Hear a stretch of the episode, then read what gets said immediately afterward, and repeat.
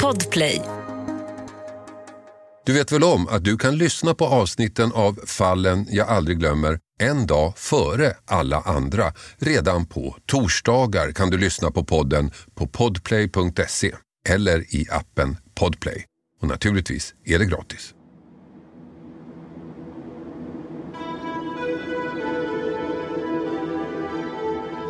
Tre stycken befinner sig i sjön Orlången och fiskar.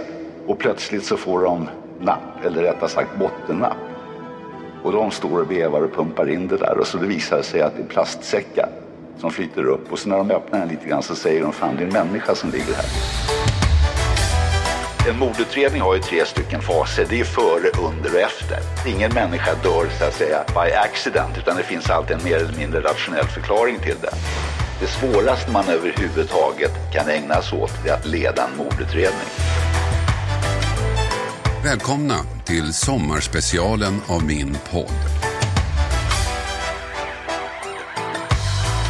Han kallas för 22-0 före detta kommissarien Bosse Åström för att han löste 22 mord på raken.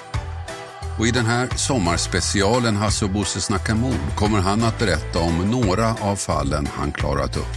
Fallen han aldrig glömmer.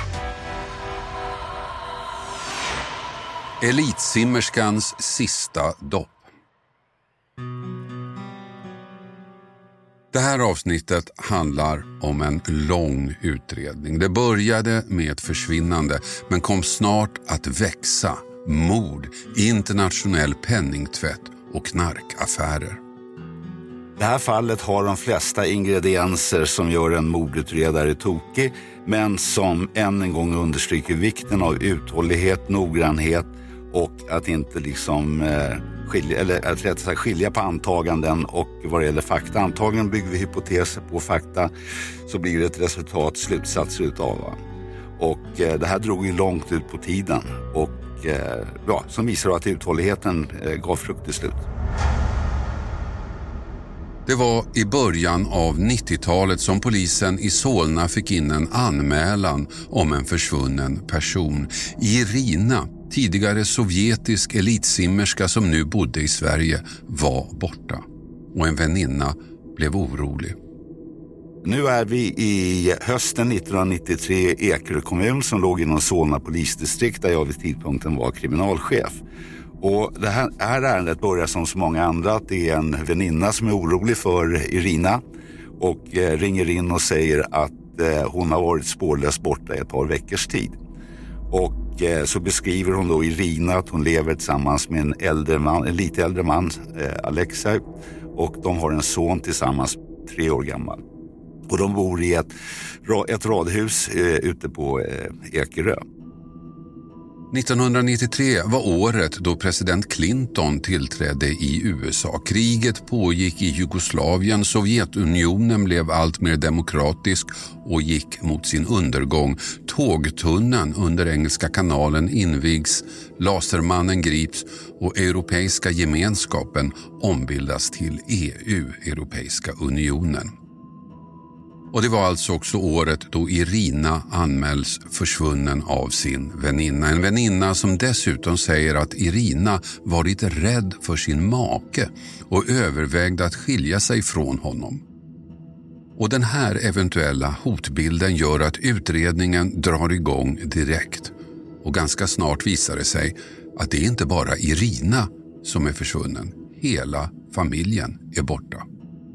Efter att de här uppgifterna kommit in så behandlar man det som vanligen försvunnen person och så börjar man kartlägga vem var Irina och hon var då en 30-årig tidigare elitsimmerska i Ryssland eller Sovjetunionen på den tiden. Hon var gift med Alexej, de hade flyttat till Sverige, bodde ihop.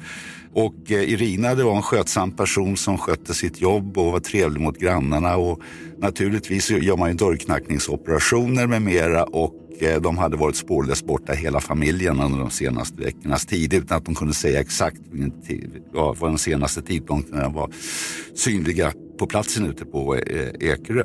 Så alla var borta? Ja, hela familjen var puts väck från jordens yta. Ja, det var alltså inte bara Irina som var försvunnen. Hela familjen var borta och exakt när det hände var det ingen som visste. Men det som gjorde att Bosse Åström och hans medarbetare blev oroliga, det var uppgifterna som väninnan kom med. Och det som framkommer då som sticker ut i det här, det är att hennes väninner berättar att eh, under den senaste tiden så har Irina uttryckt Eh, rädsla för sin make. Det har funnits en del hot med i bilden och hon har sagt att hon skulle vilja skilja sig på grund av mannens tvivelaktiga affärer. Det fanns alltså en rädsla för maken, uppgifter om hot, uppgifter om skumma affärer. Allt det hade Irina berättat i samtal med väninnan varje dag. Och sen, bara tyst. Inga livstecken från henne alls. Så frågan var, var hela familjen försvunnen? Och i så fall varför? Eller var det bara Irina som råkat ut för något och maken höll sig borta frivilligt? Den tekniska undersökningen av familjens bostad gav inga som helst svar på de här frågorna. Och eh, där inne finns ingen. Och det är helt soprent och mina kriminaltekniker är där och gör en ordentlig undersökning och kan konstatera att alla gångkläder och personliga tillhörigheter, allting det är putsväck. Och eh, kvar finns då visst möblemang plus en rulle med eh, svarta sopsäckar. Och det här dokumenteras och kriminalteknikerna kommer tillbaka och lämnar rapport och säger att det här är ingen brottsplats. Nej, inga spår, ingenting som tydde på att ett brott begåtts. Nu fortsätter kartläggningen av familjen och det är när makens företag granskas som det blir ganska mystiskt. Och då visar det sig att eh, de bedriver ingen verksamhet i Sverige, men det går miljontals kronor ja, på veckobasis i princip från Ryssland till de här svenska bolagen där de parkeras under ett dygn och sen går de vidare till Credit Lyonnais i Köpenhamn och efter en till två dagar där så forslas pengarna rakt över Atlanten till ett bolag i Kalifornien som heter Crystal Mining och som också hade eh, ryska intressen i sig. Stora summor pengar, miljontals kronor som kommer från Sovjet landar i makens bolag i Sverige och sen förs vidare till USA. Det framgår tydligt när banktransaktionerna kartläggs. Men vad som inte framgår är vad pengarna används till. Och här någonstans tar utredningen stopp. Det finns inga spår efter Irina. Det finns inga spår efter maken eller sonen heller. Ingen ytterligare kunskap om makens affärer och egentligen ingen hållbar teori heller om det är hela familjen som försvunnit eller om allt egentligen handlar om Irina. De kan ju ha flytt allihopa tillsammans. Absolut, alla tre. Och det kan ju då bero på att det har funnits en hotbild på grund av hans tvivelaktiga affärer. Så det kunde inte uteslutas. Men även om de försvinner så det som sticker ut är det att det blir radiotystnad från Irina som trots den här tidigare hotbilden har haft en kontinuerlig kontakt med, med hennes väninnor. Så vi hittar en, en väninna till då som stod egentligen henne närmast. En landsmaninna som då vid tillfället bor nere i Schweiz. Så eh, vi åker ner till Schweiz och har en så att säga, bevisupptagning utanför eh, huvudförhandling och eh, hör inför domstol då den här eh, kvinnan som då förstärker alla de uppgifterna som vi redan vet. Att Irina har varit livrädd, hon har självmant velat gå under jorden eller skyddat boende på grund av dels mannens eh, uppträdande tvivelaktiga affär och sen vilka han umgås med etc.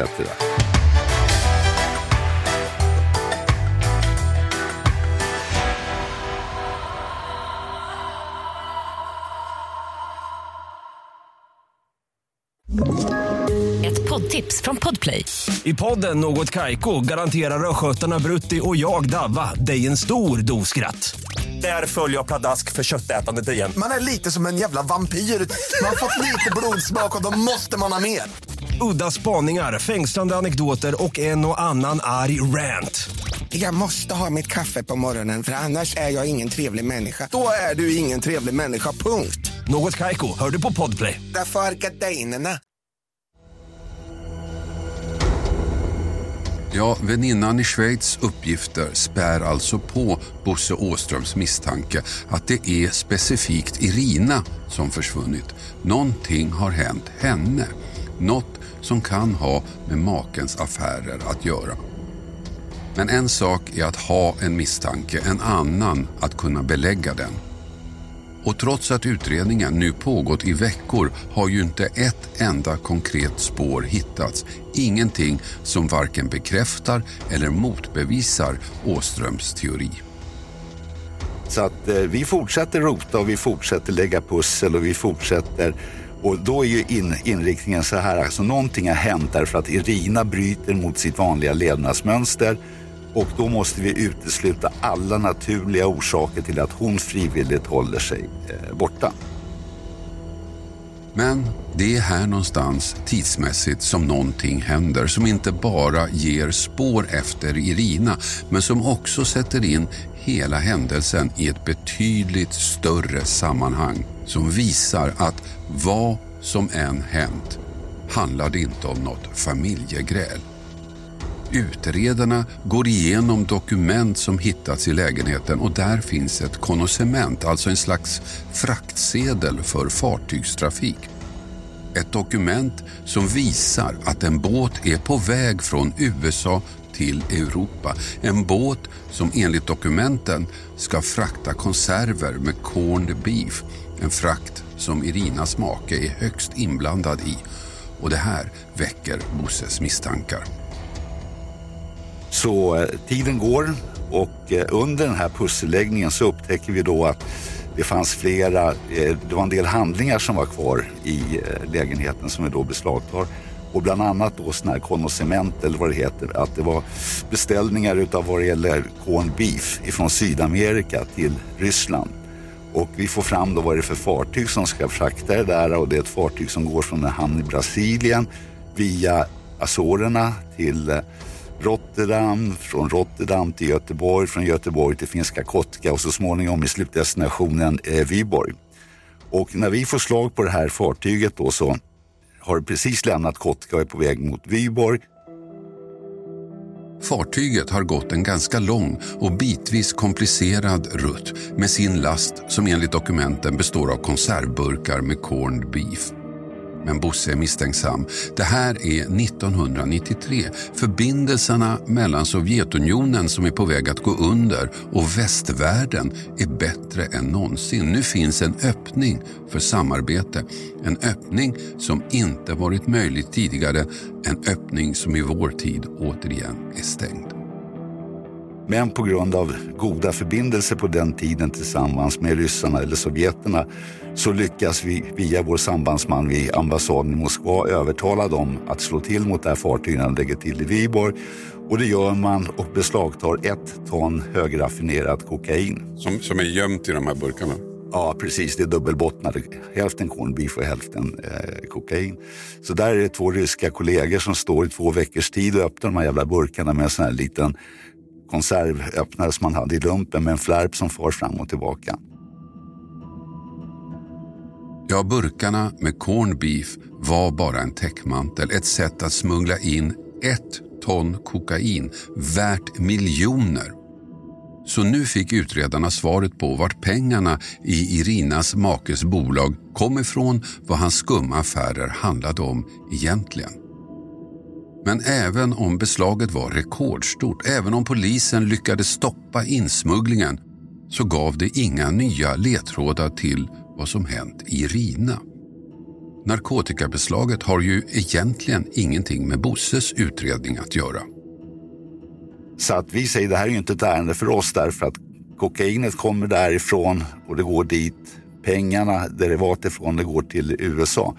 Så då kontaktar vi de federala myndigheterna i USA och får ett eh, joint venture tillsammans med DEA som tar över det här crystal mining-spåret. Eh, och på det sättet, det, det utvidgas va? och det, det, blir så att vi har ju stora problem därför att för det första så, vi har ju ingen kropp efter Irina. Och även om vi säger att är det någon som är huvudmisstänkt, för det är det här vanliga sättet man gör i en mordutredning. Om man misstänker att någon är berövad livet så börjar man som ringarna på vattnet, va? inifrån ut. Och då är det liksom Alexa, han är i skottgluggen här tills motsatsen så att säga bevisas. Men vi har inte kommit upp i den här misstankesgraden mer än att det gäller bara så att säga, vår magkänsla som vad det gäller erfarna mordutredare. Ja, egentligen vet ju inte utredarna någonting om vad som hänt. Huvudteorin är att Irina är offret, men, och speciellt med tanke på kokainskeppet, så kan det ju vara så att någonting har gått fel med narkotikaaffärerna, någonting som gjort att hela familjen mördats, att alla tre är döda.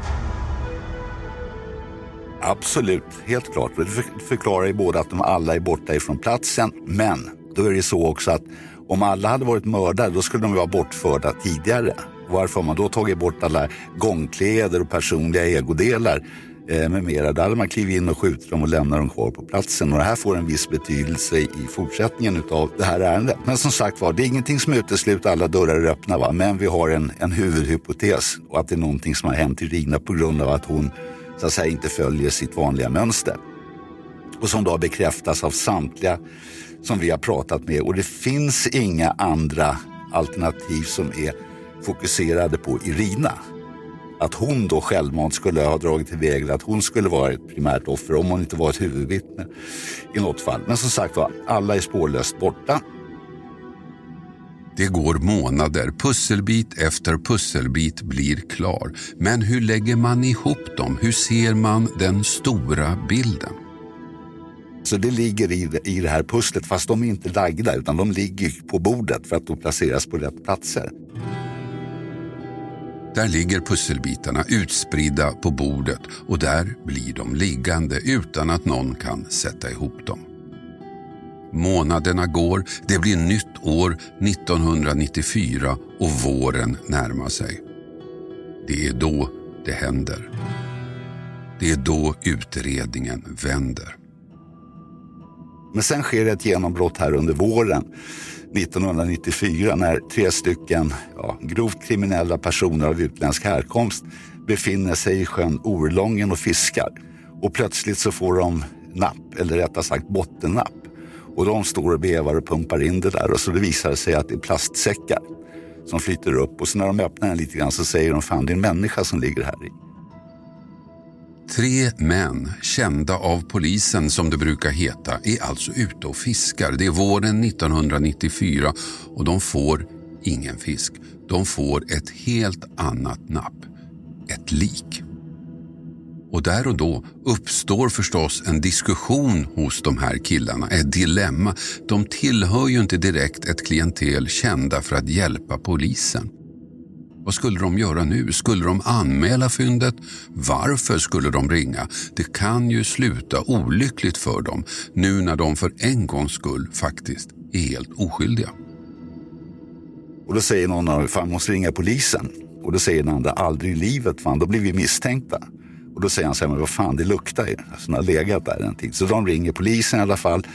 Polisen kommer till platsen, de bärgar kroppen och för den till rättsläkarstationen och kort därefter då identifieras kroppen att vara identisk då med Irina Ratkaj och hon är skjuten med eh, tre skott. Ja, de tre gör det de känner är det rätta. De ringer. Så nu får Bosse sina misstankar bekräftade. Misstankar han haft hela tiden. Att det är Irina som är offret. Det enda offret. Ja, och då, då får ju här en helt annan vändning. Alltså hon är ju död. Och vem har haft anledning att se henne död?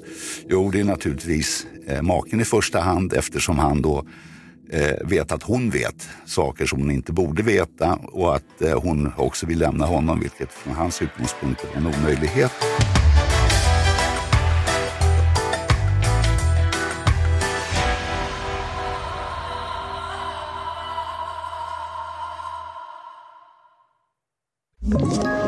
Ett poddtips från Podplay.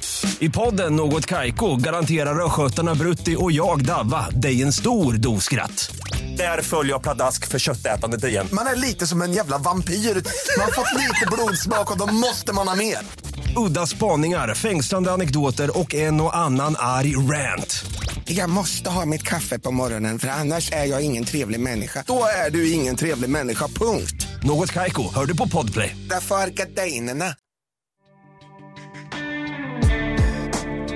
Nu är det en mordutredning. Nu finns det ett offer. Nu finns det en misstänkt person. Nu drar spaningarna igång igen. Med det här då så skickar jag tillbaks teknikerna till eh, lägenheten där de tidigare konstaterade att det här är ingen brottsplats. Och då säger jag så här, har de blivit mördade någonstans så är det ju i lägenheten. Ni hade hittat plastsäckar där som ni inte beslagtog och som skulle kunna knytas till de här tre säckarna som hon är lagd i. Och de kommer tillbaks till den här lägenheten och eh, säckarna är borta. Fastighetsägaren har rensat ut bohaget och lägenheten eller radhuset ska då hyras ut på nytt. Men vi sätter stopp på det tills vi är klara med vår utredning. Och eh, så kommer de tillbaka då och så säger de så här, ja, vi har hittat en grej. Ja, vid första undersökningen så blev ju resultatet att lägenheten inte var någon brottsplats. Det fanns ingenting som tydde på att ett brott hade begåtts där. Men det visade sig vara fel. För den här gången gjordes ett fynd. Teknikerna, som de uttryckte det, hittade en grej och inte vilken grej som helst. Och det är ett hål i väggen i vardagsrummet. Ett kulhål. Och över det här kulhålet så är det någon som har klistrat en liten 5x5 cm tapetbit som passar in i mönstret på övriga tapeter i, i eh, vardagsrummet. Och på baksidan av den tapetbiten så sitter ett fingeravtryck.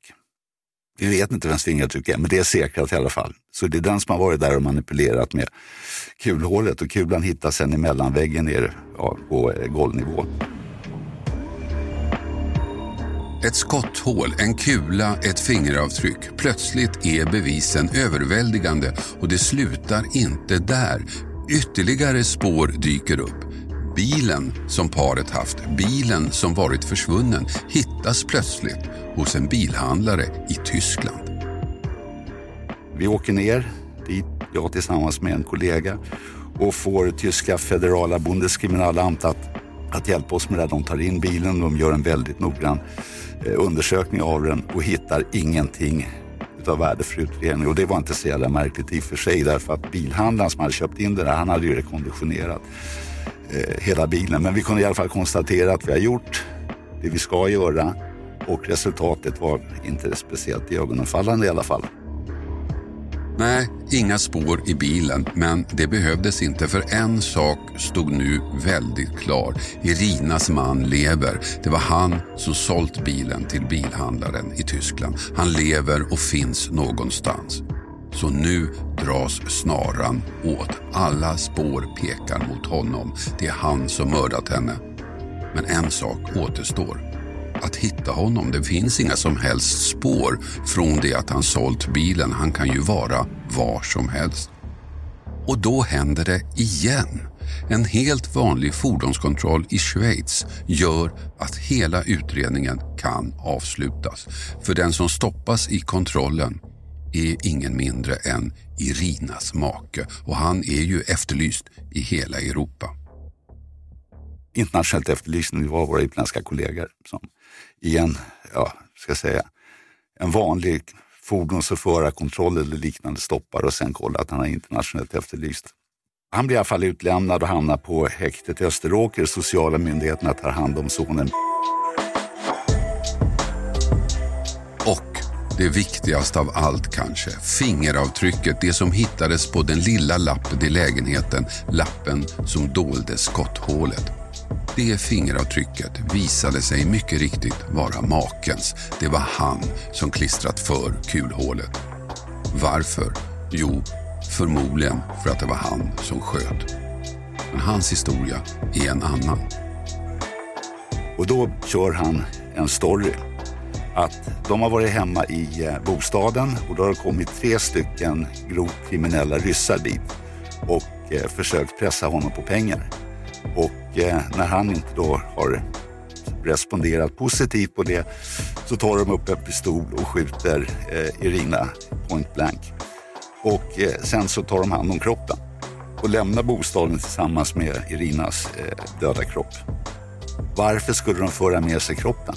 göra det omaket i ett ganska tättbebyggt område, även om det är sent på kvällen, tidigt på natten. Att bli sedda av någon som är ute och går med hunden eller liknande, kommer och bär på liksom ett paket med, med ja, inslag i, i svarta plastsäckar. Och varför ringer han inte polisen? Eller sina vänner? Och säger fan har de skjutit min fru? Eller liknande och förklarar hela den här biten. Och varför tömmer han hela bostaden? Och framförallt tar med sig Irinas kläder också. Och det är det som man kallar för liksom att man har stageat brottsplatsen för att det ska se ut som om alla frivilligt har lämnat och man kan då jobba på den här eh, hotbilden. Och eh, sen kan vi konstatera också med det här sammantaget plus att vi har eliminerat alla, precis, jag säger precis alla naturliga orsaker till att Irina skulle ha dragit iväg frivilligt. Det stärker liksom att nej, det kan inte gå till så här. Och framförallt det här med att varför han lagade hålet i, i väggen. Det kunde han heller inte lämna någon förklaring eh, till. Nej, den historien höll inte rätten heller. I tingsrätten tyckte visserligen ordföranden att bevisen inte räckte. Men nämndemännen röstade mot honom och dömde maken och i hovrätten var alla eniga. Det var maken som dödade Irina. Skyldig, straffet 10 års fängelse. Allt det här tog nästan ett år. En mordutredning som stoppade en knarksmuggling och som också till slut ledde till att mördaren dömdes. Bosse Åström är inte säker på att det hade blivit samma resultat idag. Och slutsatsen av det här det är ju att om man tänker från hösten 1993 fram till mars-april 1994 så i dagsläget så är jag helt övertygad om, även om vi har kalla fallgrupper och sånt där, att man hade tröttnat. Man hade släppt det här och inte gått vidare. Men som tur var så gjorde vi inte det. Och det visar också vikten av ordentligt kriminalpolisiärt fotarbete. Att det man gör är att göra rätt saker och att man inte slutar halvvägs utan att man kör ända in i kaklet för att eliminera alla naturliga orsaker. En fråga återstår efter alla dessa år. Knarkbeslaget, kokainet, det som beslagstogs i ett land i fall Sovjetunionen. Vad hände med det? Det vet inte jag därför att jag fick ett samtal ifrån någon okänd hög tjänsteman inom FSB på den tiden som frågade vad, vad de skulle göra utav vad det gäller kokainet som var i beslag. Och då sa jag, jag vet inte vad ni gör i, i, Ryssland eller Sovjetunionen men här skulle vi bränna upp skiten. Och då säger han, eh, uh, isn't that a pity? Så, det, så det, det gillade inte riktigt. Va? Och det som gör att jag tror att det var, alltså att han var anonym men fejkade sitt namn, va? det var ju det att han sa att han hette Oleg Popov. Mm. Oleg Popov, det är liksom en rysk clown. Nej, frågan om vad som hände med knarket, den får vi nog aldrig svar på.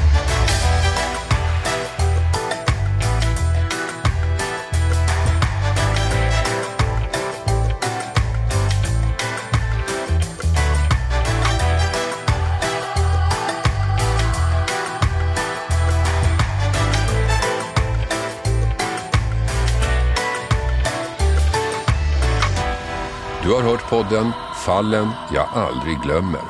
Klippning David Davva Persson. Och jag heter Hasse Aro.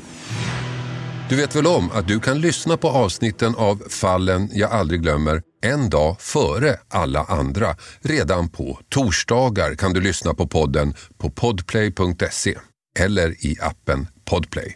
Och naturligtvis är det gratis. Podplay, en del av ett poddtips från Podplay. I podden Något Kaiko garanterar östgötarna Brutti och jag, Davva, dig en stor dos skratt. Där följer jag pladask för köttätandet igen. Man är lite som en jävla vampyr. Man har fått lite blodsmak och då måste man ha mer. Udda spaningar, fängslande anekdoter och en och annan arg rant. Jag måste ha mitt kaffe på morgonen för annars är jag ingen trevlig människa. Då är du ingen trevlig människa, punkt. Något Kaiko, hör du på Podplay. Därför är gardinerna.